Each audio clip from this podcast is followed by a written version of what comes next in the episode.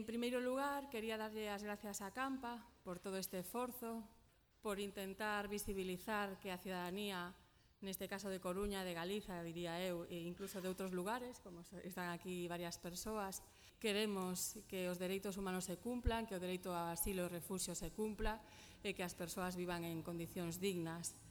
Eh, esta mesa é unha mesa que falará sobre a crise do Mediterráneo, Concretamente, no debate quixose achegar un pouco a nosa realidade, as nosas fronteiras, a situación crítica, e por eso as dúas ponentes que están hoxe aquí falarán concretamente de Melilla e Ceuta, que son dúas eh, fronteiras que temos no territorio español que se vulneran constantemente os dereitos humanos e o dereito en concreto ao asilo e, a, e ao refuxio. Non?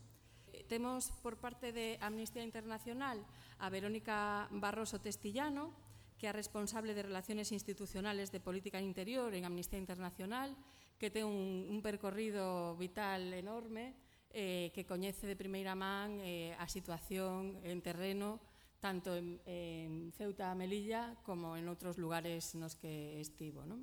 Eh, por parte de Médicos do Mundo temos a Carmen Zamora Fuentes, que é a vocal e responsable de, do programa de Melilla de Médicos do Mundo e vocal en Andalucía na xunta directiva eh, tamén ten un longo percorrido en terreo e en outro eh, tamén en España traballando pola defensa dos dereitos das persoas eh, refuxadas. Eh, sin máis, eu vou vos deixar a, a palabra en primeiro lugar a Verónica, que creo que falará un pouquiño máis do contexto máis legal e eh, e Carmen falará un pouco máis pois dunha realidade, da realidade do campo, non das cuestións máis prácticas que se están eh, detectando. E ao final de todo haberá unha, un espazo para que comentedes e preguntedes o que, o que vos interese e que iniciades un pouco unha, un compartir impresións e, e tamén, por que non, propoñer solucións. Veña, sin máis, deixo a Verónica.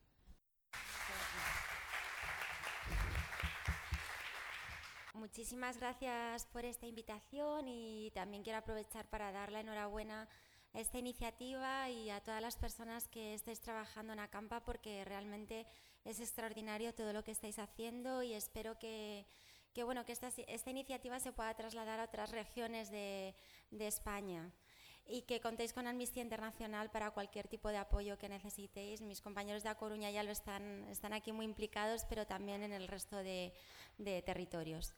Antes de empezar a, a hablar y a, a, exponerles las preocupaciones de Amnistía Internacional en, en Frontera Sur, en concreto en Melilla, me gustaría mencionar, y eso lo hemos hablado mi compañera Carmen y yo antes, no podemos hablar de Melilla sin mencionar a José Palazón.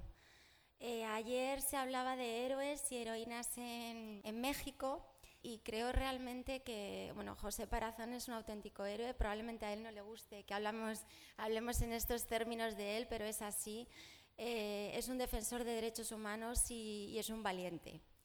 Y, y, bueno, eh, en las exposiciones vemos ahí su foto, pero eh, yo le mencionaré en, en, alguna otra ocasión más porque, porque muchas de las personas que están en Melilla pues sus vidas son algo mejores eh, gracias a José Palazón, al trabajo que está haciendo con ellos. Y también a compañeros como médicos que están atendiéndoles allí en el día a día.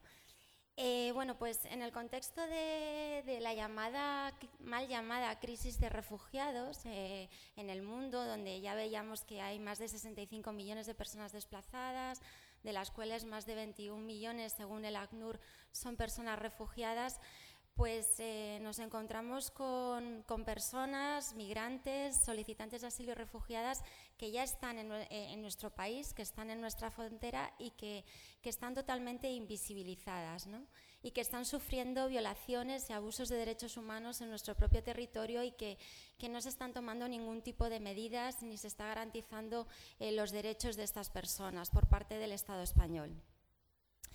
La frontera sur es un símbolo de la fortaleza Europa. Eh, la frontera sur, eh, en eso yo creo que España es una pionera en políticas de control migratorio y, en cómo bueno, pues han ido adoptando medidas ¿no? que lejos de garantizar y primar a las personas, lo que han venido haciendo han sido restringiendo derechos y, y vulnerando derechos, derechos humanos. Eh, voy a mencionar bueno, algunos datos para que tengáis un poco idea de lo que estamos hablando. en España comenzamos a construir una valla a, a, principios de los años 90, una valla que, con concertinas eh, que obviamente, bueno, sabéis ya todo lo que es, ¿no? que provoca graves lesiones a las personas que intentan eh, saltarla. Entre los años 2005 y 2013, España destinó diariamente al mantenimiento y a la instalación de, estas vallas 22.000 euros. Esto, como digo, se ha extrapolado y se ha exportado este tipo de políticas a otros países de la Unión Europea como Hungría, Serbia, Turquía, etcétera, y estamos hablando de que ahora mismo Europa, y por eso hablamos de Fortaleza Europa, hay algo más de 275 kilómetros de vallas y se ha invertido más de 175 millones de euros. Eh, estas son las políticas migratorias que se está, está adoptando Europa y fundamentalmente en los últimos años. En, Frontera Sur, en nuestra frontera, en Ceuta y Melilla, sistemáticamente desde el año 2005 viene documentando la amnistía, así como también la propia defensora del pueblo, se están cometiendo graves violaciones de derechos humanos. Estamos hablando de las llamadas devoluciones en caliente, expulsiones sumarias colectivas donde no se tienen en cuenta los derechos de las personas, donde no se tiene en cuenta la vulnerabilidad ni el grado de vulnerabilidad de las mismas, ni si son menores o no, o bueno. Eh, o personas con otro tipo de, vulnerabilidades y em, donde además se las expulsa sin ningún tipo de garantías, no tienen asistencia letrada, no se les eh, dota de un intérprete, no tienen atención médica especializada con independencia de que en ocasiones veamos y por los medios de comunicación sepamos que Cruz Roja les atiende, pero muchos de ellos son devueltos y eh, son devueltos además a un país que no es seguro, que es Marruecos, un, un país que viola derechos humanos, donde Amnistía Internacional, de hecho, pues tiene algún caso. Nosotros fuimos expulsados de Marruecos la última vez que intentamos entrar y documentar eh, e investigar en Marruecos. La, investigadora fue expulsada junto con el director de Europa y desde entonces no hemos podido entrar. Digo esto porque, porque bueno, eh, España en eh, los últimos tiempos ha reforzado sus acuerdos de cooperación con Marruecos, pese a, bueno, a que denuncias y hay que mecanismos de Naciones Unidas que ya han hecho recomendaciones a España porque hay personas que han sido torturadas y han sufrido malos tratos en Marruecos, como por ejemplo Aliarras, eh, que fue deportado por España. bueno, pues todo esto está pasando en nuestra frontera sur. Y hace dos años el Estado español, ¿qué hizo? Pues reformó la Ley Orgánica de Extranjería a través de la modificación de la Ley Orgánica de Seguridad Ciudadana y a través de una disposición adicional lo que hizo fue regular una figura jurídica que, que es nueva, que se inventó, el rechazo en frontera, que podía o de alguna forma ya legalizaba esas prácticas ilegales que venían haciendo desde el año 2005. ¿no? Que incluso antes, pero desde el 2005 que Amnistía Internacional podía tener documentadas. Y eh, bueno, pues según eso es lo que aplican, lo aplican sin ningún tipo de procedimiento, pese a que en el texto de la ley pues dicen que eso lo harán de acuerdo a estándares internacionales, al derecho internacional de los derechos humanos y eh, desde Amnistía Internacional lo que denunciamos es que se hace en contra del derecho internacional de los derechos humanos. Está violando el principio de no devolución recogido en la Convención de Ginebra, convención que firma y ratifica España en el año 78 y que sencillamente no está cumpliendo. Está devolviendo a estas personas, como digo, sin ningún tipo de garantía, sin tener acceso aquellas que puedan ser solicitantes de asilo a un eh, procedimiento individualizado de asilo y además a un país que no es seguro. Eh, no podemos hablar de devoluciones en caliente, de expulsiones sumarias y colectivas sin mencionar Tarajal. Tarajal es la tragedia y la vergüenza de España. Tarajal ocurrió en febrero del año 2014. Es, 14 eh, personas fallecieron y murieron en ahogadas y eh, una persona desapareció y 23 personas fueron devueltas a Marruecos. Sabéis que en Tarajal hubo uso excesivo de la fuerza, se utilizaron pelotas de goma para evitar que pudieran acceder estando en el agua a territorio español y eh, bueno pues eh, eso se llevó, se fue enjuiciado, se archivó, pero afortunadamente y gracias a la presión internacional eh, se ha reabierto la causa y ahora mismo bueno, pues, eh, está otra vez el caso en los juzgados y en los tribunales. eh, bueno, gracias a la presión internacional y también a, instancias superiores judiciales. Con esto lo que quiero decir es que efectivamente se habla de Grecia, se habla de Italia, porque efectivamente la situación es muy preocupante, pero tenemos una realidad aquí en España que, que a la que, bueno, pues Mm, hace unos años todavía yo creo que se le estaba dando cierto eco, ¿no? cuando sobre todo teníamos llegadas masivas, por, por, por, la, por la valla, pero desde hace un tiempo nadie habla de Melilla, absolutamente nadie, y eso yo creo que tenemos que reflexionar sobre ello, de por qué no se está hablando de Melilla cuando sigue habiendo saltos, porque en el mes de mayo hubo uno, entraron ciento y pico personas, en enero hubo otra, donde hubo devoluciones, donde eh, eh, había, había vídeos colgados en la red de personas que estaban allí filmando donde efectivamente se devolvió a gente que estaba herida y se podía ver en las imágenes. Se devolvió a Marruecos sin que accedieran a, nada, a ningún tipo de asistencia de ningún tipo. Eh, y bueno, pues todo esto está sucediendo, ¿no? Además, y ahora ya entro a hablar de lo que es Ceuta y Melilla, en concreto de Melilla, en, en estos dos enclaves pues nos encontramos en lo que Amnistía ha llamado en su último informe, estamos en tierra de nadie. Carmen y yo antes decíamos que era la ciudad sin ley, pues es que es así. Eh, no se aplica ni la propia legislación española en materia de asilo. Obviamente no se aplican las directivas ni la normativa europea y tampoco los tratados internacionales. En concreto, eh, Amnistía Internacional publicó en el mes de noviembre un informe que estaba muy centrado en la situación sobre todo en la acogida en los centros de estancia temporal para inmigrantes que están en Ceuta y Melilla. Eh, era fue un informe que publicamos posterior a un primer informe que hacía un análisis más general de, las condiciones de acogida en España y eh, no se está cumpliendo el derecho internacional, es decir, tenemos, como he dicho antes, la Convención de Ginebra, el principio de evolución ya hemos visto que no se cumple, el Pacto Internacional de Derechos Económicos, Sociales y Culturales, el PIDES, no se está cumpliendo. El PIDES obliga a los Estados a garantizar que las personas que están en nuestro país puedan tener una vida digna. Esto, esto quiere decir que puedan acceder a una vivienda, que tengan vestido, alimentos, que se es decir, que se les trate con dignidad. Y nada de esto está sucediendo en los CETIS. Eh, pese a que el gobierno es verdad que ha hecho unas mejoras, pero obviamente unas mejoras que no son suficientes para garantizar condiciones de dignidad a estas personas, que además no están estancias cortas, sino que muchos de ellos se pueden pasar allí muchos meses e incluso más de un año esperando a ser trasladados a la península, porque lo que no se aplica en, Ceuta y Melilla es que no son considerados eh, a los efectos de poder circular libremente como si fuera territorio español. Es decir, las personas que están allí no tienen libertad de circulación, no pueden salir de Ceuta o bien si están en Melilla de Melilla, pese a que hay reiterada jurisprudencia que está diciendo que están incumpliendo el derecho internacional y que están incumpliendo la propia ley de asilo pero las autoridades no hacen nada. Es decir, los solicitantes de asilo que ahí están no pueden circular libremente ni pueden salir y además, eh, en el caso de los solicitantes de asilo,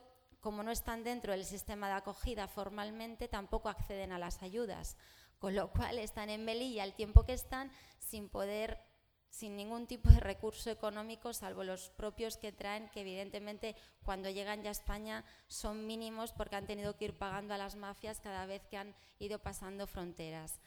Esta es la situación precaria en la que se encuentran cuando llegan a los CETIS, aparte de, eh, bueno, pues de, todo el bagaje que llevan y de su estado físico y psicológico que ya está muy deteriorado y que está en una situación muy vulnerable y que eso imagino que Carmen os podrá hablar mucho mejor que yo. ¿no?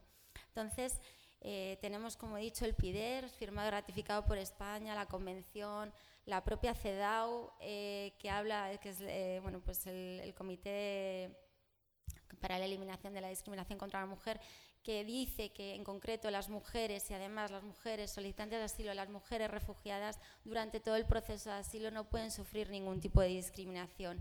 Pues ya os comentaré ahora un poquito más adelante que eso no es así, o al menos no se produce en Melilla.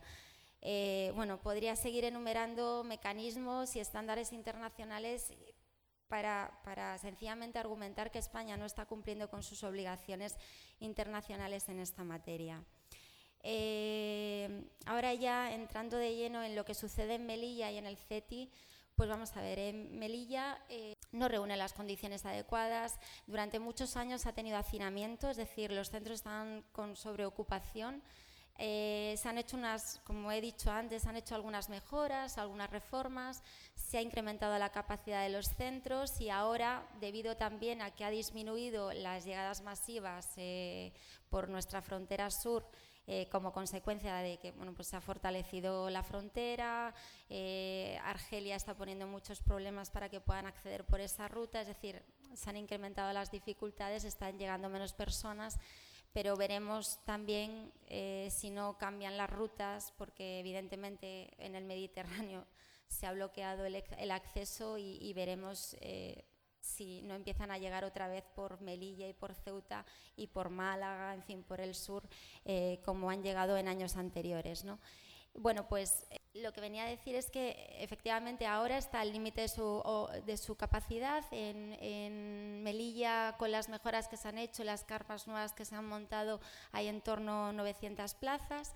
En Ceuta hay 500 y pico, me parece, porque también se han, se han puesto algunas carpas nuevas y suele estar siempre al límite de su capacidad. Aún así, las condiciones, las habitaciones son muy pequeñas. Eh, los módulos de, para hombres son carpas donde bueno, pues ahí alojan a, mucha gente, a 30, 40, todos juntos. Y luego las habitaciones donde suelen estar las mujeres con los niños, estamos hablando, no he traído fotos, pero vamos, eh, son habitaciones muy chiquititas donde hay seis literas y allí tienen que estar todas las mamás, las mujeres, con sus niños y niñas.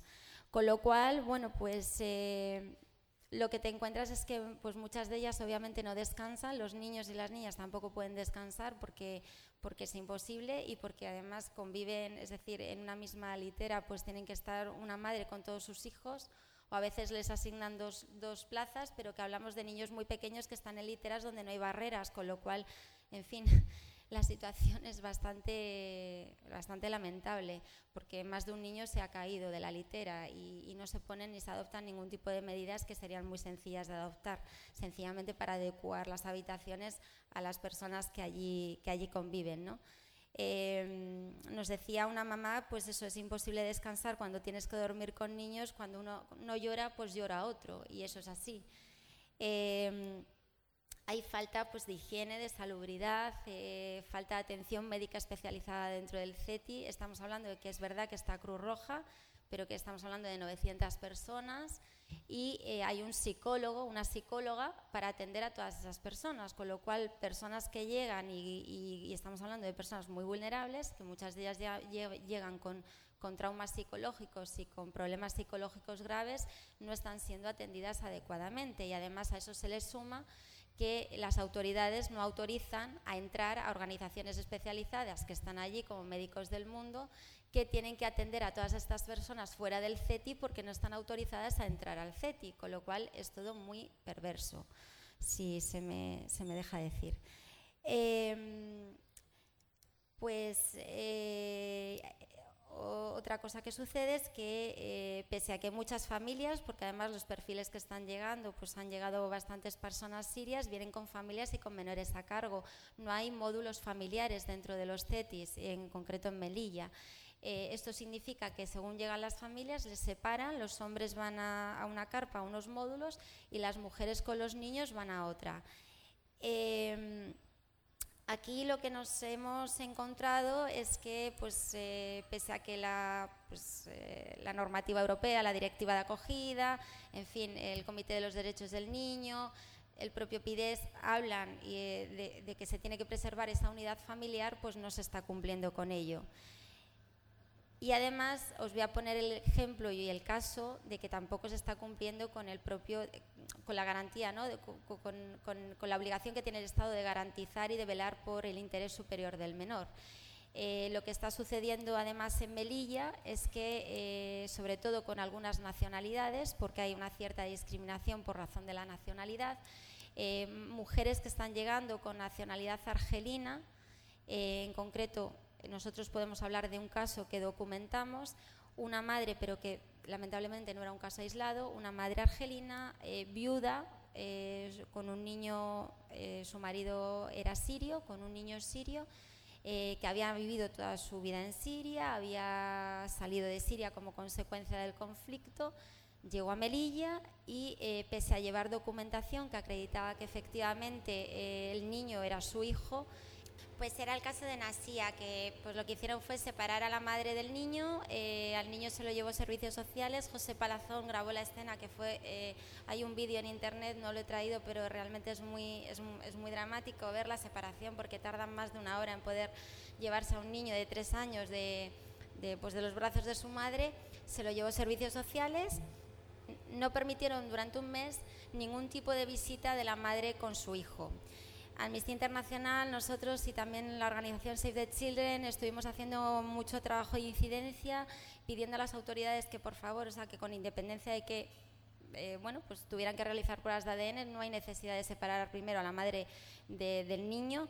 Y en segundo lugar si te lo llevas al centro de menores, eh, cuanto menos dejas eh, visitarlo, porque además ese tipo de medidas se estaban adoptando con otras mamás de nacionalidad siria, que podían ir al centro y pasar todo el día con sus hijos, y a esta mujer no se la estaba permitiendo ni tan siquiera ir, a ver al niño en visitas controladas.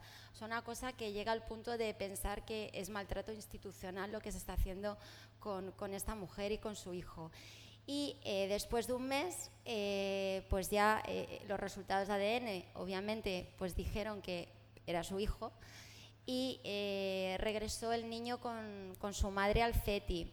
Nosotras, mm, bueno, mm, mis compañeras y yo que bajamos a Melilla de misión, tuvimos la oportunidad de estar con ella y, y con el niño, y claro, eh, bueno, pues nos comentaba su madre, nosotras fuimos en octubre, el niño estuvo todo el mes de septiembre sin poder verla, con, bueno, pues con lo que eso supone, y un niño de tres añitos que nos hacía pis, en fin, que, que era un niño muy sociable y demás, pues tuvo un retroceso muy importante y eso pues no ha habido ningún tipo de reparación por parte de las autoridades que lo que nos vinieron a responder a Amnistía Internacional por escrito es que estaban velando por el interés del menor en todo momento.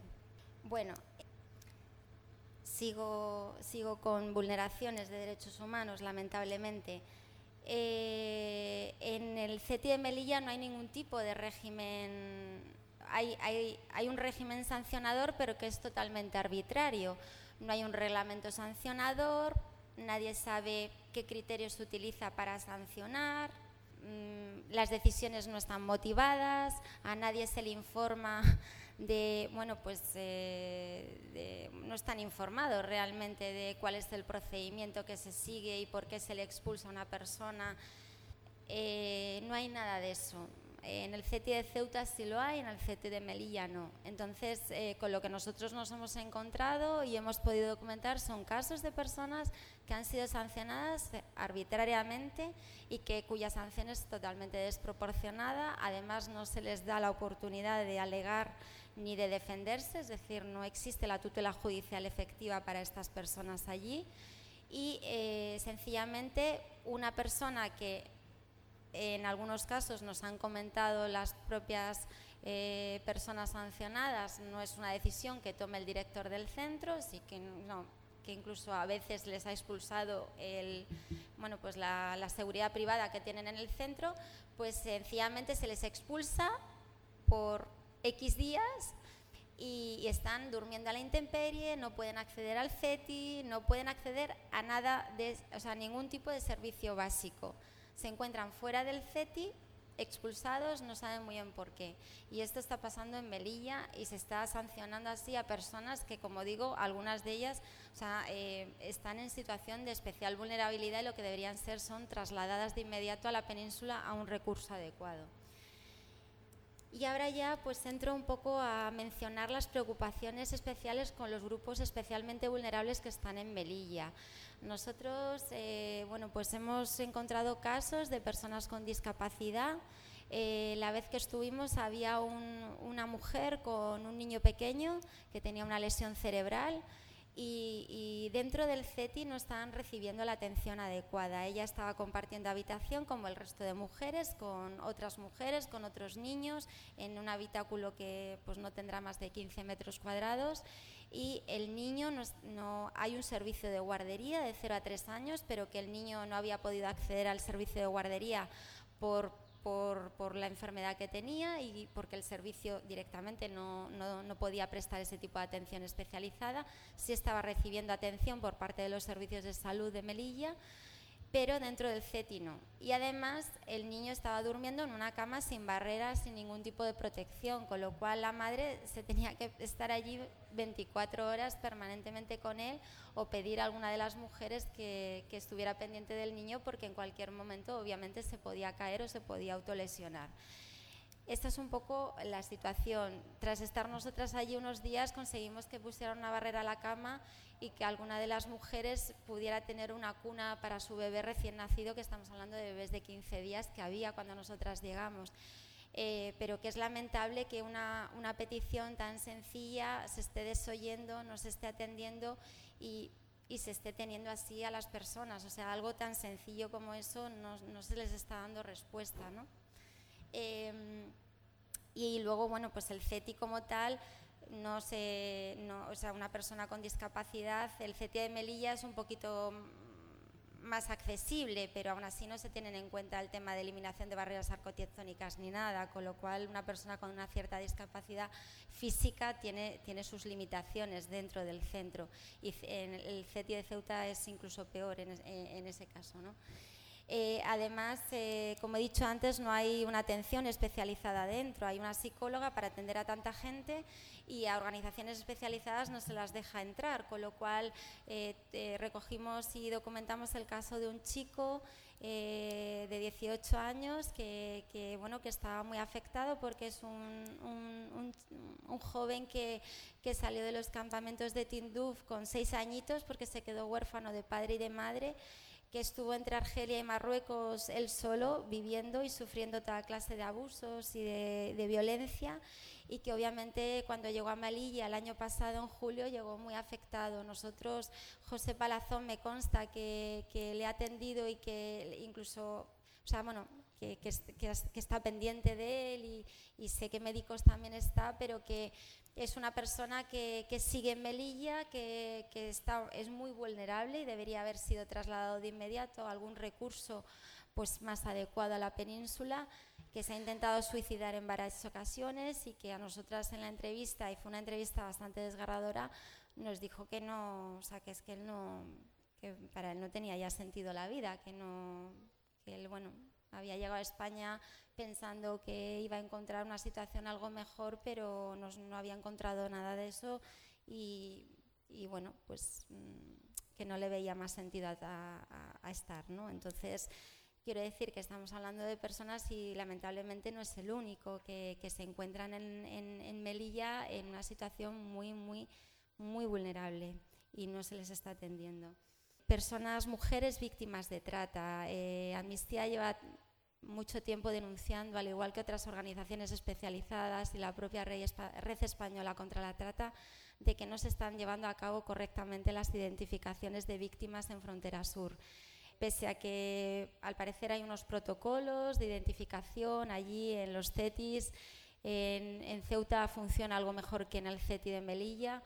Eh, pese a que se les está impartiendo formación especializada a, las trabajadoras, al personal que está dentro de los centros, pues lo, que, lo que denuncian las organizaciones eh, que trabajan este tema y ha venido a denunciar Amnistía Internacional es que, mm, final, o sea, que muchas de estas mujeres no son finalmente identificadas y por tanto no son debidamente protegidas, con lo cual ahí las autoridades eh, evidentemente tienen que tomar medidas y medidas inmediatas urgentes para que, para que estas mujeres sí que tengan esa protección ¿no? que, requieren y que sean detectadas, identificadas y derivadas a, los, bueno, pues a la policía para que automáticamente puedan ser trasladadas a la península y, y, no, y no, estar allí. Y mujeres que sufren otro tipo de violencias, eh, también violencia de género, eh, pues violencia sexual, es decir, cualquier tipo de violencia contra la mujer, eh, pues no están recibiendo la atención adecuada. Os voy a contar un caso que, realmente eh, bueno, pues ejemplifica muy bien cuál es el proceso que llevan en el CETI de Melilla y que desde luego pues, eh, es un proceso que está lleno de irregularidades. nosotros nos entrevistamos con una mujer argelina de 27 años que tenía, estaba allí con una menor de 3 añitos su hija. esta mujer víctima de violencia de género, había sufrido violencia de género en su país de origen, llegó a Melilla, siguió sufriendo violencia de género porque fue acompañada de su maltratador y en el CETI de Melilla se siguen bueno, pues produciendo los episodios de violencia contra ella. En un momento dado hay un episodio muy grave donde hay un atestado de la propia policía y de la Guardia Civil y ella denuncia y en ese momento si actúan correctamente de acuerdo a los protocolos y de acuerdo bueno pues a, la normativa que tenemos y eh, eh, bueno, la derivan a un recurso adecuado a un piso de acogida y toman medidas de protección y a él le ponen una orden de alejamiento. Pero bueno, eh, ya sabemos que estas mujeres sufren amenazas, tienen mucho miedo, psicológicamente pues a lo mejor no están del todo preparadas y además aquí se da la circunstancia, es una mujer migrante, no habla el idioma, muchas circunstancias más. En este caso no está recibiendo tampoco un acompañamiento psicológico adecuado. Eh, ella retira la denuncia, regresa al CETI. ¿Y qué es lo que sucede en el CETI? Pues que eh, un sitio donde normalmente por temas de capacidad no facilitan módulos familiares a nadie, pues ¿qué hacen? Les dan un módulo familiar. Entonces la mujer víctima de violencia de género convive durante un mes con su agresor y con su niña. Agresor que además ella nos comenta que la prostituía dentro del CETI. Entonces, eh, eh, él finalmente es expulsado, no por la violencia que, ejercía contra su mujer, sino porque roba a una mujer siria y por la cuestión del robo le expulsan del CETI. Eh, sigue extorsionándola, porque si alguno de vosotros está en Melilla, pues está la valla, pero están allí las propias habitaciones y carpas, están pegadas a la valla, con lo cual él todas las noches iba a la valla, la extorsionaba, la amenazaba, etc. Hasta que un buen día desapareció, pero bueno, ella seguía recibiendo amenazas por parte de la familia de él. El caso es que nosotras estuvimos en el mes de octubre y esta mujer no fue trasladada eh, después de... El CETI obviamente tenía conocimiento, pero lo pusimos en conocimiento de las autoridades, de la Secretaría General de Inmigración, de Interior, de la Dirección General de la Policía, etcétera, eh, no fue trasladada a un recurso adecuado a la península hasta el mes de marzo. O sea, durante seis meses siguió en el CETI viviendo aquello como si fuera una auténtica cárcel porque no se atrevía a salir del CETI por miedo a que este señor pues se lo encontrara. Y lo que la dijo es que yo eh, me volveré a Argelia pero no me voy a volver sin matarte. O sea eso fue lo último que le dijo eh, antes de ser expulsado. Y, y bueno o sea pues evidentemente una mujer víctima de violencia de género que durante un año además fue solicitante de asilo, aunque luego se inadmitió su solicitud de asilo, tenía que haber sido trasladada de inmediato a la península, tenía que haber sido derivada a un recurso adecuado para víctimas de violencia de género y nada de esto se hizo, sino más bien todo lo contrario. Con lo cual, no, o sea, no, desde Amnistía Internacional es que se nos escapa entender por qué no se, se, se cumple eh, con las obligaciones que se tienen y por qué no se adoptan medidas de protección con personas que están en situación de especial vulnerabilidad. Y es que el Estado español tiene responsabilidad con todo ello. ¿no? Y ya por último mencionar a personas del LGTBI, que también en Melilla hay un grupo grande, hay un grupo en torno a 40, 50. Cuando nosotros estuvimos, 50 eh, chicos jóvenes eh, de, nacionalidad mayoritariamente marroquí, había también algún algún joven argelino que, obviamente no pueden regresar a sus países. En Marruecos el hecho de ser homosexual está, es un delito, está condenado por el Código Penal y además con los que nosotros nos entrevistamos eh, estaban también repudiados por su propia familia, con lo cual eh, no tenían absolutamente nada eh, en Marruecos y, estaban muy desamparados y muy desprotegidos. Bueno, pues eh, estas personas llevaban todos más de un año esperando a que se resolviera su solicitud de asilo y a poder ser trasladados a la península. Lo que nosotros hemos denunciado es que evidentemente hay una discriminación por razón de la nacionalidad y en el caso además de personas LGTBI eh, se da una doble discriminación por razón de su nacionalidad y no sabemos si también por razón de su condición sexual. El tema es que estas personas, eh, pocos habían pasado la primera entrevista con la oficina de asilo, con la OAR, y, el resto estaba esperando a ser entrevistado por videoconferencia porque la OAR nos está trasladando a Melilla para entrevistar a los solicitantes de asilo, lo hacen a través de videoconferencia y, bueno, pues estaban en una situación de mucha vulnerabilidad porque estaban sufriendo toda clase de agresiones. En Melilla hay, uh, hay incidentes racistas y, y xenófobos y homófobos y en concreto ellos, alguno de ellos había sufrido alguna agresión fuera del CETI y dentro del CETI tampoco tenían miedo a relacionarse fuera de lo que era su grupo porque había otras nacionalidades. Eh, bueno, pues que tampoco veían bien y no compartían el tema de, bueno, pues de que fueran homosexuales y de su condición sexual. Y, habían tenido algún altercado dentro del CETI, entonces estaban o sea, totalmente aislados. Eh, relacionándose solo con lo que, su grupo de, de, gente y, sin poder salir de allí y sin, y sin, saber muy bien qué iba a pasar con sus solicitudes de asilo. Eh, sabiendo que si son devueltos a Marruecos, los que tenían nacionalidad marroquí, pues eh, estaban en grave peligro porque, porque, como os digo, está penado y estaban ya muy Mm, bueno, pues eh, sus imágenes eh, habían sido difundidas eh, en medios marroquíes y, bueno, pues las autoridades marroquíes sabían perfectamente quiénes eran y cómo se llamaban, ¿no? Entonces, bueno, me consta que algunos de ellos siguen todavía allí en Melilla esperando sencillamente a, a ver cuándo se resuelve su solicitud de asilo. Y este es un poco el panorama de Melilla.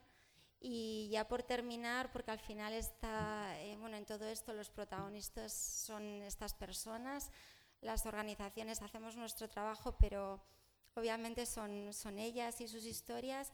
Nos contaba un chico palestino que ya estaba en, en Península, pero que había pasado por todo, bueno, por todo el trayecto, ¿no? había pasado por, por Melilla que él, eh, pues dice, uno nos decía que uno se marcha de la guerra creyendo que, que, va que iba a encontrar tranquilidad, pero que, pero que cuando llegó aquí se encontró que era todo un poco lo mismo y que, bueno, pues es un poco el mensaje, ¿no? que, que, que, evidentemente el Estado no está cumpliendo con sus obligaciones y, y su responsabilidad. Bueno, moitas grazas Verónica por esta conferencia, a verdade que nos eh, ilumina e tamén nos, nos devolve unha realidade moi dura non e moi crúa. E eh, nada, deixamos a Carmen xa a palabra. Eh, moi buenos días a todas e a todos. Un placer estar aquí.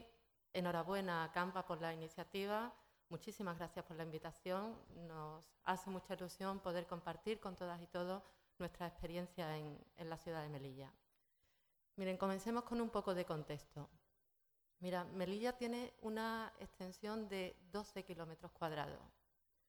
Es un territorio que está cercado por un lado por el mar y por otro por una valla, una triple valla con concertina de unos 10 kilómetros. En Melilla viven 85.000 personas apenas, de las cuales el 15% es población migrante. Actualmente, más del 30% de la población está en riesgo de pobreza. La renta media anual en Melilla es de unos 100.000 euros. Esos son 400 menos que la media de la península. Lo peor es que la tendencia es a la baja. Desde 2009 han perdido un 9% de poder adquisitivo. Esto significa que las diferencias, las desigualdades aumentan. Hay más gente rica, pero hay más gente pobre. ¿Por qué el contexto es importante en Melilla? Pues porque prácticamente Melilla se ha convertido en un CETI, en un centro temporal para migrantes y extranjeros. Es una ciudad en la que el 15% de su población está atrapada, no pueden continuar su proceso migratorio. Ninguna de las personas que nos hemos encontrado tienen como destino final la ciudad de Melilla. Es una etapa más, una etapa en la que en el mejor de los casos puedes pasar meses, por norma al menos dos años para conseguir tu documentación y en el peor de los casos, después de años de sobrevivir en la ciudad de Melilla, son deportados a Marruecos, no a sus ciudades ni países de origen, sino a la frontera con Marruecos.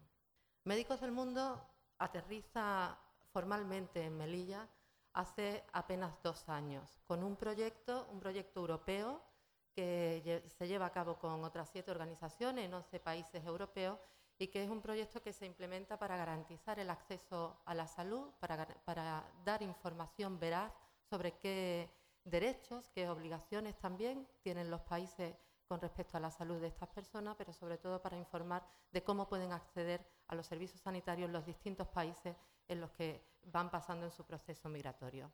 Este proyecto ha sido una oportunidad única para conocer de primera mano cuál es la realidad de Melilla, conocer sobre todo cuáles son las barreras, las necesidades existentes, cuáles son las poblaciones más vulnerables y también cuáles son ese movimiento asociativo que actualmente está en Melilla. Nosotros nos hemos encontrado con una serie de, organizaciones diversas. Em, por un lado están las organizaciones que surgen eh, de la propia sociedad civil de Melilla, como Jarraga o Prodeín. Eh, son organizaciones con una fuerte convicción de que las cosas tienen que cambiar y que se pueden hacer de otra manera. Eh, por otro lado, tenemos a, entidades que, nacionales o internacionales que acuden a Melilla como prestadoras de servicios. Hay una necesidad, prestamos un servicio y, nos marchamos. Y hay otras entidades, en este caso como Amnistía o como Save the Children o como Médicos del Mundo, que además de la intervención directa en la ciudad, creemos que hay que ir a las causas y que las causas de lo que está eh, sucediendo en Melilla van mucho más allá de la situación sanitaria o social que tiene la propia ciudad. Médicos del Mundo tiene en su lema, combatimos todas las enfermedades, eh, incluidas la injusticia, y este es un ejemplo claro en cómo las desigualdades sociales, la injusticia, el incumplimiento de los derechos humanos vulnera a las personas que están en ese territorio. Con respecto a, las necesidades de, de la población de Melilla, yo me voy a centrar en tres apartados, en tres aspectos, ¿vale? Los más relacionados con la organización a la que pertenezco. Por un lado hablaremos de los servicios sanitarios, hablaremos de ese gran cajón desastre que son los menores no acompañados en la ciudad de Melilla y hablaremos también de los servicios sociales. Con respecto a esto, a los servicios sociales, decir principalmente que la barrera fundamental es que están sobresaturados. Y eso, que parecería una cosa puntual, se ha convertido en una cosa normal. El SETI triplica su capacidad habitualmente, pero eso ya no es noticia, porque las tiendas de campañas que se montaron para momentos de urgencia, del salto de 300 argelinos, en un momento siguen puestas y son exclusivamente para hombres, mientras que las habitaciones se han quedado para mujeres con niños. Es decir, eh, esa sobresaturación eh, ha perdido el interés y mm, se, vive con normalidad. Pero esa sobresaturación también tiene un efecto perverso, que es el de la población migrante satura los servicios de la ciudad, crea crispación en los propios profesionales y en la, y en la sociedad y además genera rechazo hacia la población migrante. Genera rechazo, racismo, xenofobia, etcétera. Miren, no es fácil para mí transmitirle eh, qué es mm, lo, que sienten las personas que ahora mismo están atrapadas en este territorio. Por eso me he permitido el lujo de traeros algunos testimonios de personas que nos hemos encontrado en Melilla. Son testimonios que forman parte de una campaña, se llama Personas que se mueven y os hablaré de ella en un ratito. Ahora, si os parece, vamos a ver y a oír a, a Bachir. Este es el único vídeo subtitulado, espero que lo puedan leer bien desde el fondo y escuchar. Just when the car came to be like you. I was a child, I have souvenirs, I have parents, I have girlfriend. I I live the same life as you live it here.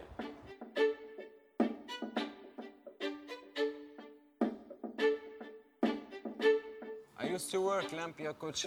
Just when the car came to park, I uh, Hola, ¿qué tal? Bien. Limpia coche, and he look at me like from my foot until my head, and he goes. So, in that moment, you feel like you are an animal. You are not begging him to give you money for free. You're gonna watch his car, wash his car. You're gonna clean it for money. You offer him this service. He can say no, gracias. But why, you, why he's ignoring you? Sometimes you clean some car and he can throw the money to you. Sometimes you clean his car and he don't give you your right. He give you one euro or 50 centimo. Sometimes you clean and he run.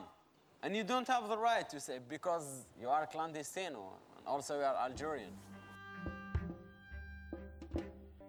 I had asilo, I guess my situation was better because I have a lot of rights. But now I don't have asilo. If I go to Peninsula and police arrest me, then I go to Morsi Extranjeria, then come back home to Algeria. So now I feel I'm really stuck here. In the street, the first thing that you think is food. Just when you wake up, you open your eyes, how I can get my food. Or where I can get shower. And if you get sick, it's a big problem. If you go alone to the hospital, you don't have the right. Maybe if you have a very emergency situation, maybe they will help you. But if you have something, they thought it's not emergency. They said, venga, fuera, venga, fuera. Look for Anna from Medico del Mundo. This is the only thing that you have, you can do. Yeah, the police hit me a lot of time. Lot of time. And for silly things. Like if he came and asked you for something, maybe you smile. Pam, you got a punch in your face. If you said why, you got a second punch. If you said why, you go to commissariat. Not all of them, but majority of the policia, they kick us a lot. When I was in Algeria, I was imagine Melilla, it's part of Europe. Good people, open mind people, but when I came here, I say different things. People judge you for your language, for your color, for your religion, for your nationality, because you are Algerian. You know, I don't know. For me, I feel very broke. You know, sometimes you lost feelings. If someone die in front of you, you will feel normal. Because you feel pain and you feel unfair and you feel and you feel guilty all the time. And they they said Europe. I guess it's not Europe. Every human being looking for the best in his life. Like one hour and a half, goodbye Africa. Esto no es Europa. Esa es una frase que nos encontramos en mucha de la gente que entrevistamos. No puede ser esto Europa, porque entonces me he equivocado. No es este mi, el, el sueño de cuando pensé en migrar, en, en apoyar a mi familia, en tener un futuro mejor. Tiene que haber algo más. Tenemos que salir de Melilla, tenemos que salir de aquí. Ese sentimiento de frustración es, es habitual, en, como os digo, en muchas de las personas en las que hemos podido conocer en este tiempo. Miren, menores no acompañados es el gran tema eh, en cuanto a vulnerabilidad de derechos en Melilla. Actualmente y de forma habitual hay entre 60 y 90 niños viviendo en la calle en la ciudad de Melilla. Eh, y cuando digo niños, hablo de niños de 7, 8 años, aunque eh, la media sean unos 14 o 15. Desde los 8 años los niños entran por la frontera, por una de las fronteras de Melilla, camuflados entre las porteadoras. Porteadoras son esas personas que veis en televisión, solo pueden entrar con lo que puedan cargar con su propio cuerpo, sin ningún eh, aparato mecánico, y es por eso que vienen con, con tanto peso y tanta carga. Pues camuflados entre ellas pasan los menores desde Marruecos hasta Melilla. Hay centros para, para los menores, son centros masificados. En la zona de acogida mm, del centro de la Purísima, por ejemplo, el centro más grande de acogida de menores, tiene una, actualmente hay cinco veces más menores de la capacidad que tiene el propio centro.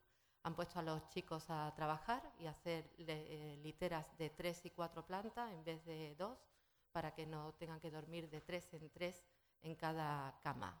Niños de culturas distintas, de países diferentes, de idiomas y dialectos distintos, en los que no encuentran a los profesionales adecuados. No es solo que hay falta de profesionales, sino que los profesionales que actualmente están atendiendo a estos menores son profesionales que no, eh, tienen la formación necesaria para atender a sus necesidades.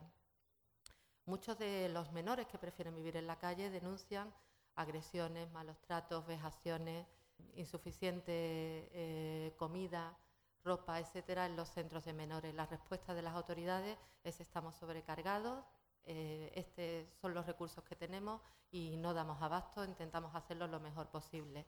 Insisto, este momento de saturación eh, genera una crispación social en la que se criminaliza a los menores que deberían de ser las víctimas.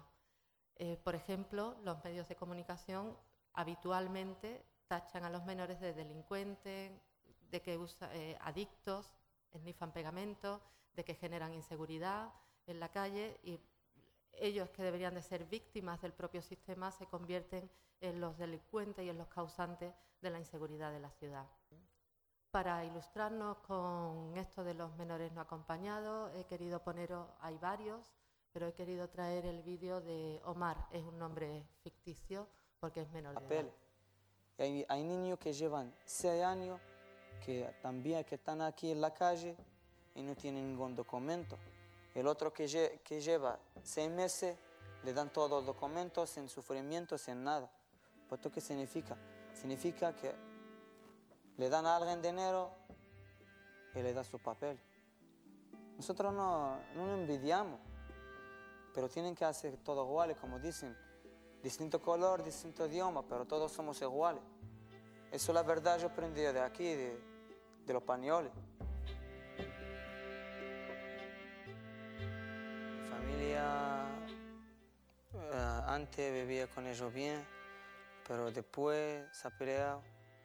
Yo he salido de la casa. Era, era pequeño. Cuando me llegaba a Melilla, he ido directamente para el puerto con unos niños que lo conozco. He ido con ellos, he llevado nueve meses intentando colar, colarme. Y nada, algunos tenían suerte de se colado y yo me he aquí. Yo el primer día he visto todas las camas llenas. Llevado el noche entero sin dormir porque era el primer día. ¿Cómo voy a juntar un- con un niño en una cama? Los cuidadores y hay algunos que pegan a los menores. Por ejemplo, cuidadores o educadores que traen sus problemas de casa y viene y te, y te, te saca todo, eso es muy mal. Sí, el reformatorio es más mejor. Te enseñan a hablar primero, porque todo el día clase. Aprender a hablar con, con, con juez, con alguna persona que... Habla, habla con una persona con el todo el respeto. Mi amigo y yo ya está aquí. Hemos conseguido esta chabola con la ayuda de otros niños. Por aquí dormimos, pero no sabemos si va a entrar agua o no. Eh, estamos en, un- en una zona que es muy peligrosa. Aquí han venido muchas veces la policía, le enseño documentos y todo, y me ve bien y todo, pues me deja, no me lleva.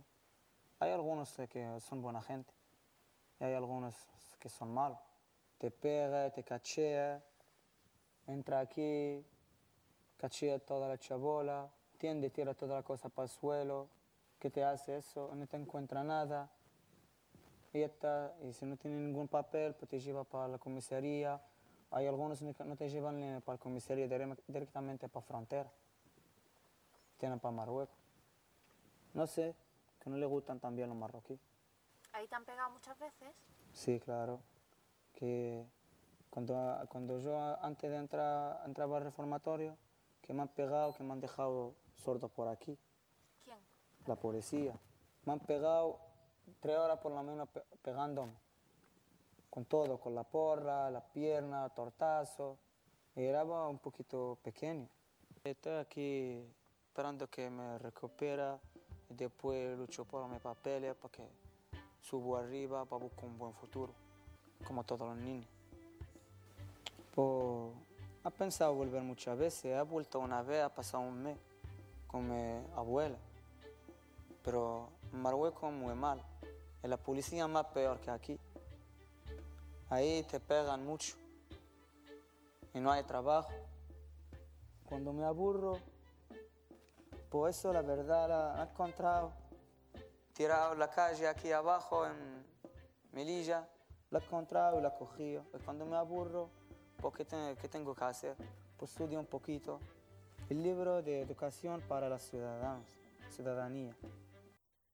El único objetivo de los niños de Melilla es hacer el risky. Risky significa em, poder colarte en uno de los barcos que va a la península. Son muchos los niños que han muerto intentando colarse porque hay una escollera, es peligroso, son las rocas, tienen que saltar esa reja que habéis visto y además que no te pille la Guardia Civil y la policía. No entienden eh, que su estancia en Melilla eh, se alargue porque incluso estando en un centro de menores a los 18 años tienes que salir del centro y si no has conseguido la documentación te quedarías en la calle en situación irregular. Por eso el objetivo es pasar cuanto antes mejor a, a la península en uno de estos barcos. Son muchos lo- los niños que a- cuanto más alargan ese proceso mm, de estancia en Melilla, más deterioran sus condiciones.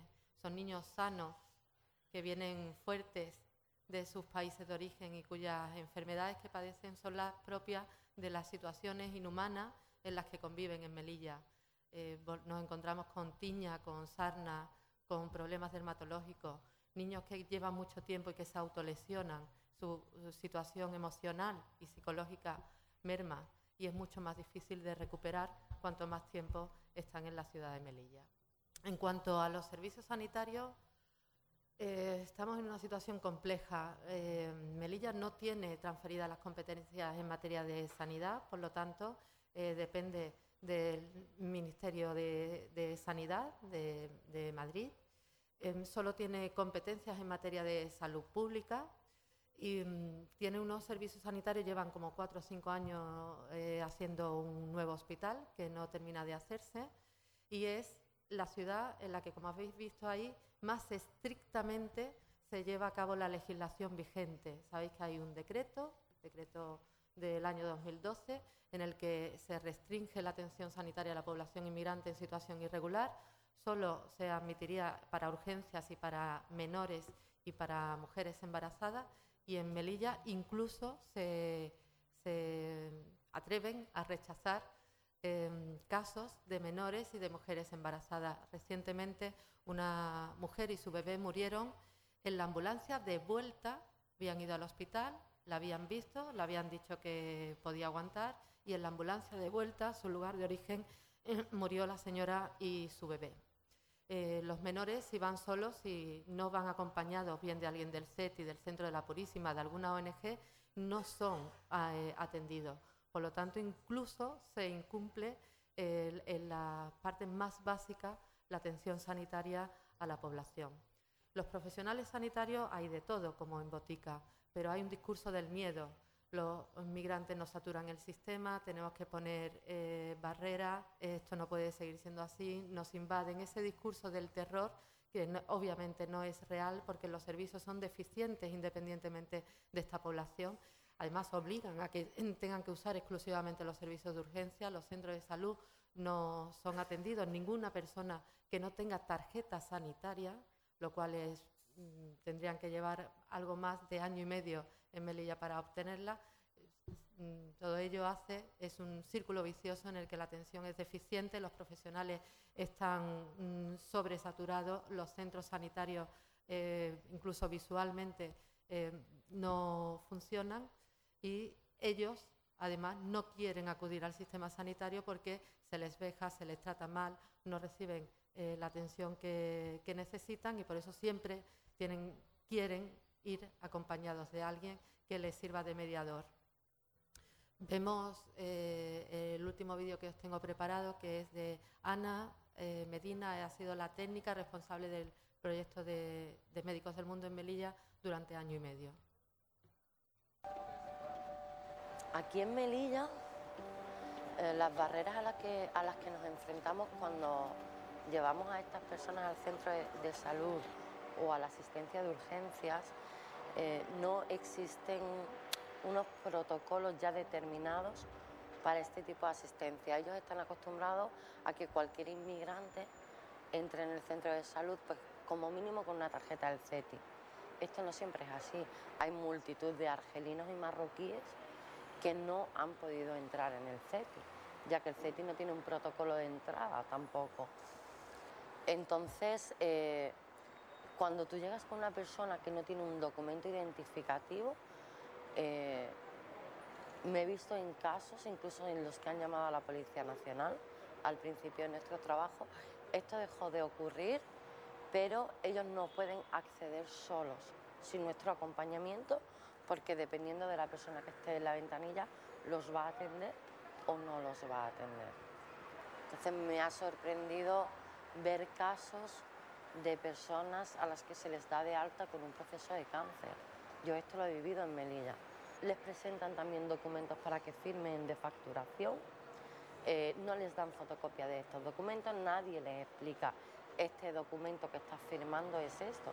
Imagínate que tú llegas enfermo, necesitas asistencia y te ponen un papel delante, es que lo firmas, ¿no? Y al final tienen una factura que más adelante, pues, en cualquier proceso de regularización le puede salir cuando realmente la facturación en urgencia no es legal.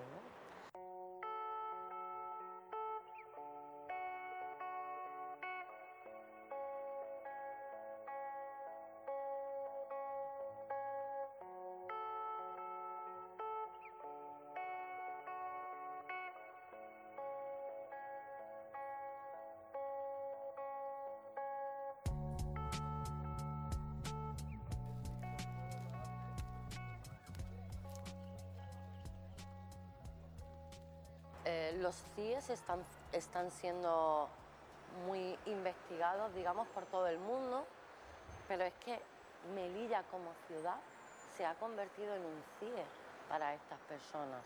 O sea, un demandante de asilo o una persona con un documento de expulsión, pues en la península podría caminar y ser libre. De Melilla no pueden salir, sus tarjetas pone no válida para el cruce de frontera solamente válida en Melilla. Esto eh, incumple totalmente la ley de asilo que les permite libertad de movimiento. Esto ha quedado lugar a que ellos están en el CETI. El CETI es un centro pues, donde los cambian de cuarto constantemente, donde hay personas de muchísimas nacionalidades, donde no se puede vivir en familia, donde en Melilla no tienen posibilidades de trabajar. Algunos tienen permisos de trabajo ya en su tarjeta porque llevan aquí un año, pero nadie les explica cómo acceder al mercado laboral, donde tampoco aprenden español. Y al final la ciudad en sí, para ellos, es un CIE, con la diferencia de que en un CIE no estarían más de 60 días y aquí se pueden pasar meses o años.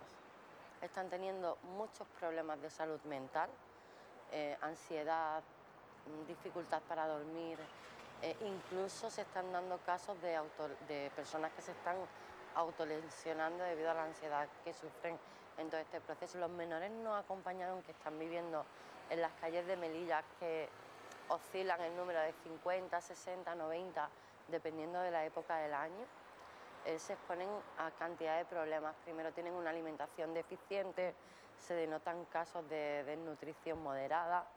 Eh, consumen sustancias estupefacientes debido a que pasan frío, duermen en las colleras, se mojan, eh, tienen accidentes constantemente, heridas, eh, no conocen sus derechos a la asistencia a la salud, por lo tanto no conocen que pueden ir al centro de salud a ser atendidos y no quieren ir al centro de menores, denuncian eh, pues que duermen en camas con otros niños, que no van a la escuela. Su acceso al sistema sanitario está muy limitado, solamente al servicio de urgencias, y tienen muchísimo miedo a ser detenidos por la policía y ser expulsados a Marruecos. Pues imagínate un chico que puede llevar dos o tres años en Melilla, que se ha comportado en el centro de menores, que ha estado en el centro de menores pensando que va a salir con sus documentos y lo van a expulsar. Esto les produce ansiedad, les produce miedo, eh, falta de sueño, están viviendo en condiciones inhumanas, en chabolas en la playa y es realmente triste ver cómo estos chavales sobreviven día a día. Lo que más me ha dolido desde que he llegado a Melilla es la no atención a las personas, pues porque ante todos los profesionales sanitarios tenemos un código deontológico y tenemos una obligación de asistencia total.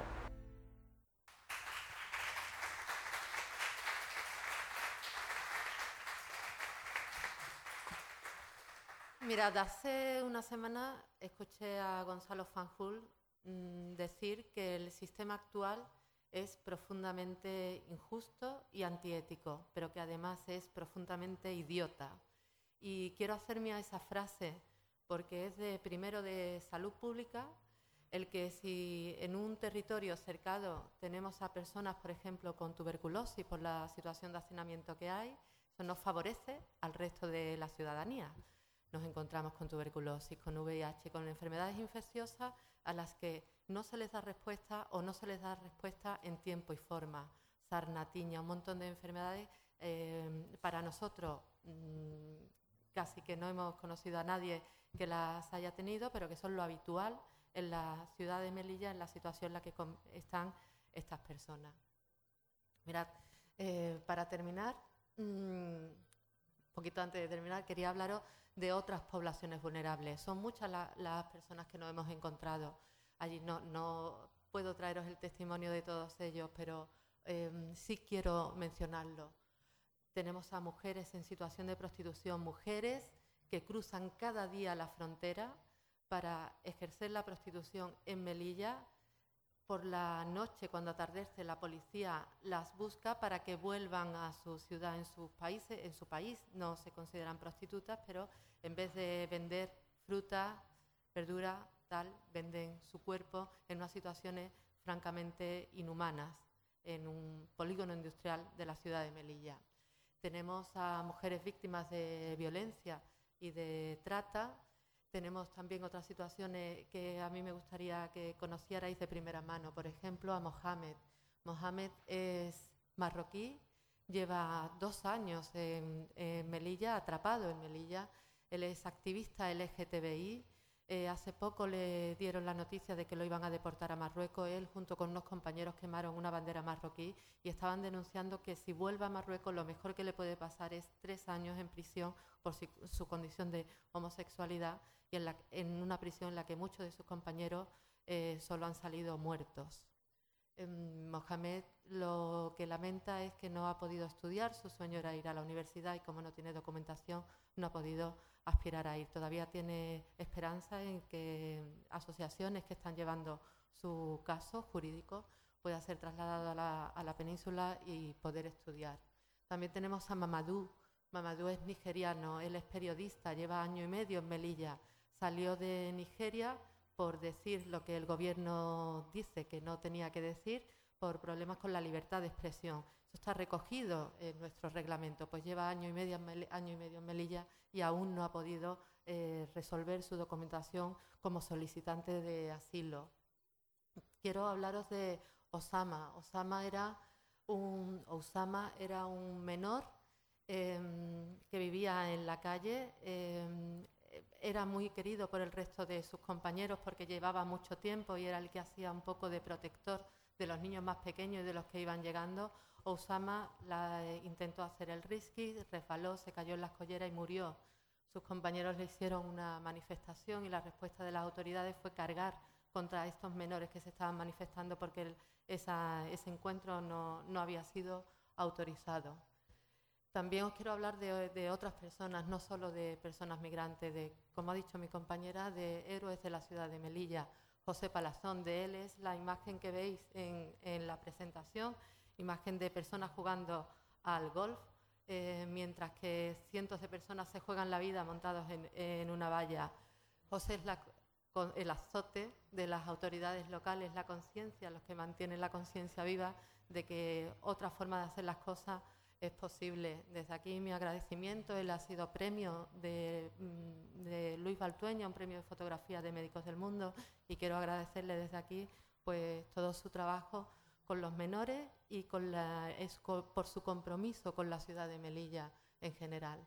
Todos estos testimonios forman parte de una campaña que, como os comentaba, se llama Personas que se mueven. Os invito a entrar en, esa campaña en la que vais a ver testimonios, eh, bueno, se le da voz y, imagen a esas personas que, que han tenido mm, de una forma forzosa o no, han cambiado, se han movido y han hecho posible otras formas de entender el mundo no solo hay personas migrantes desde Grecia, Turquía, Bosnia, hasta España, Melilla, Ceuta, Almería.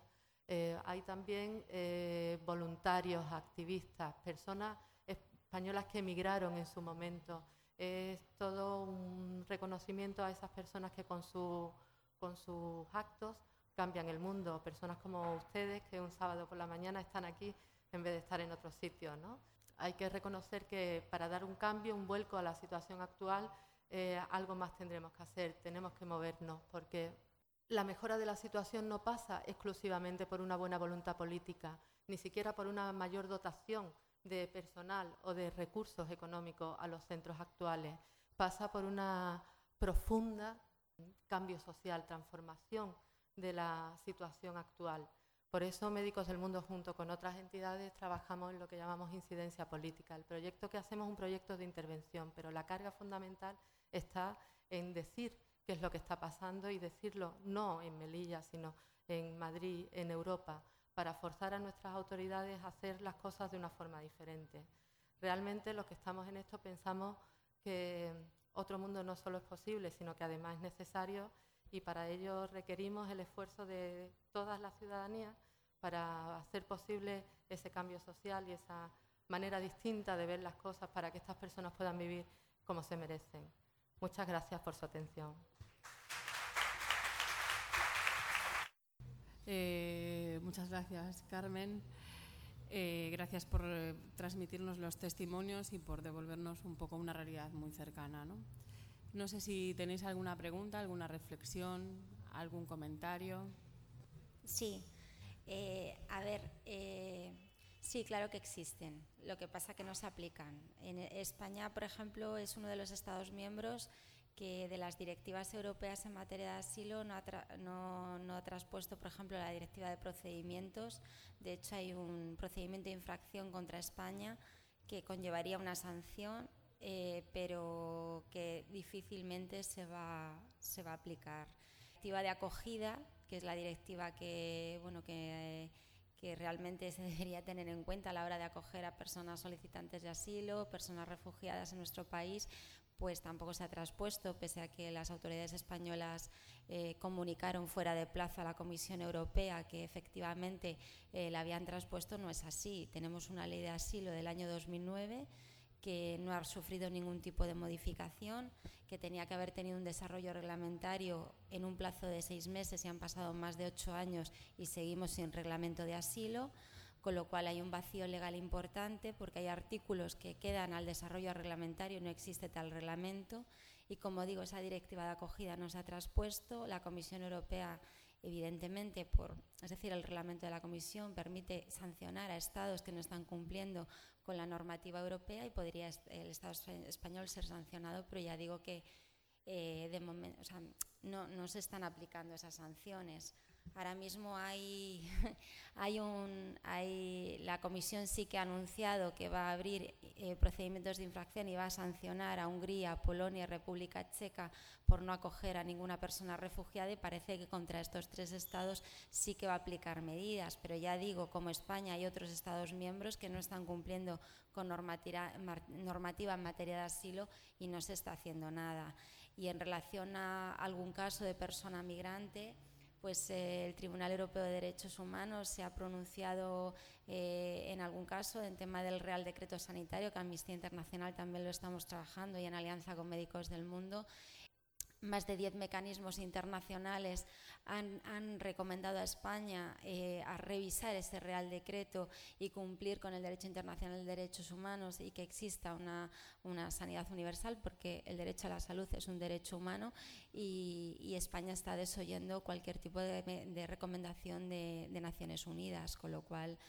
Es decir, ese es un poco el panorama. Eso no quiere decir que no tengamos que seguir insistiendo y que efectivamente la legislación y el derecho internacional, claro que, que, contempla la posibilidad de sancionar a estados que no cumplen. Otra cosa es que en la práctica sea más o menos difícil, pero que ahí seguimos y habrá que seguir insistiendo y habrá que seguir informando a Naciones Unidas y, y bueno, pues habrá que a lo mejor plantear un caso de litigio estratégico e ir a los tribunales si es necesario, porque si es el Estado no cumple y España no cumple, pues efectivamente para eso está la legislación y para eso también hay doctrina y jurisprudencia. Sí, digo que habrá al mismo tiempo unos tremendos intereses políticos que bloquean esta serie de sanciones a vulneraciones de derechos fundamentales que atentan contra la propia Declaración de los Derechos Humanos del 48. Sí, efectivamente, claro, en todo esto intervienen y afectan múltiples factores, entre ellos intereses políticos. O sea, lo hemos visto con el acuerdo que se ha firmado, todos los Estados miembros han firmado con Unión Europea con Turquía. Turquía es un Estado, es un país que no es seguro. Eh, como dijo ayer Esteban, el presidente de Amnistía Internacional Turquía ha sido detenido recientemente, supuestamente por ser eh, colaborador o terrorista o participar en el golpe de Estado y, bueno, pues eh, como dijo Esteban ayer, eh, miles de funcionarios han sido expulsados de la carrera, eh, muchos de ellos se encuentran en prisión. Quiero decir que efectivamente, claro que hay intereses políticos en todo este tipo de acuerdos, igual que cuando España pues firma acuerdos de externalización con, Mauritania o con eh, Marruecos, eh, donde sabemos que bueno, pues se van a llevar a cabo prácticas ilegales que, que, están vulnerando derechos humanos y sin embargo se firman ese tipo de tratados, ese tipo de acuerdos de cooperación. ¿no? Sí, efectivamente, sí. Una pregunta, Verónica. Vamos a ver, eh, en relación con los órganos de control de los tratados internacionales, el PIDES, el Convenio Europeo y demás, ¿Hay alguna recomendación eh, o alguna advertencia o cualquier llamada de atención a España en relación con eh, el rechazo en frontera o devoluciones en caliente a los que te referías? Sí, sí, hay. Ha habido recomendaciones y eh, hace, bueno, hace dos, años, un año y medio, el propio comisario de Derechos Humanos, el relator especial, eh, el propio CAT, el comité, el comité contra la Tortura, ha hecho recomendaciones a España. El Comité contra la Tortura fue en el año 2015 y le vino a decir a España que, cumpliera con, con sus obligaciones y que las devoluciones en caliente eran devoluciones, era una práctica ilegal las, bueno, las expulsiones, vamos a ser más correctos jurídicamente hablando, las expulsiones sumarias y colectivas es una práctica ilegal y sí que han hecho recomendaciones a España. El problema es que España desoye esas recomendaciones. Ese es el problema. Pero sí, sí, sí, sí se han hecho recomendaciones y además recientemente porque España ha pasado en los últimos años varias...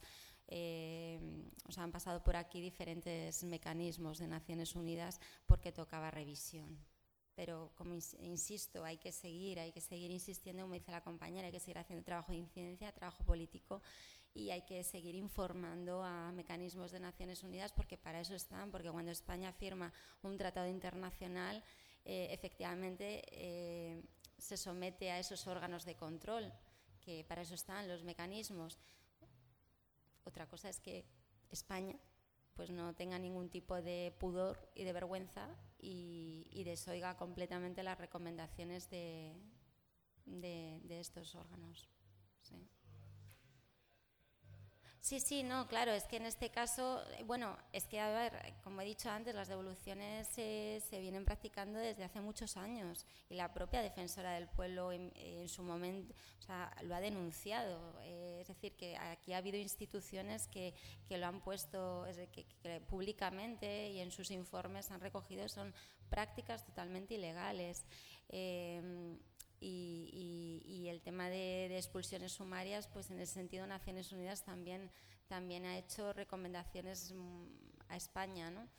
Eh, como hemos visto ahí, eh, ha habido, o sea, en esas devoluciones además se han producido pues a veces malos tratos policiales, eh, uso excesivo de la fuerza por parte tanto de la Guardia Civil y Policía Nacional como al otro lado en Marruecos y, y parece que hay una especie de impunidad y no se han depurado responsabilidades. Amnistía Internacional, una de las peticiones que está haciendo al Gobierno es que existan mecanismos de investigación eh, imparciales e independientes que puedan efectivamente, eh, bueno, pues eh, que, que funcionen y que cuando suceden este tipo de, de hechos, pues exista una investigación y, realmente se lleva a los responsables ante, ante los tribunales, ¿no? Si ha habido un uso excesivo de la fuerza, si ha habido malos tratos o si ha habido cualquier tipo de, de hechos por parte de la policía.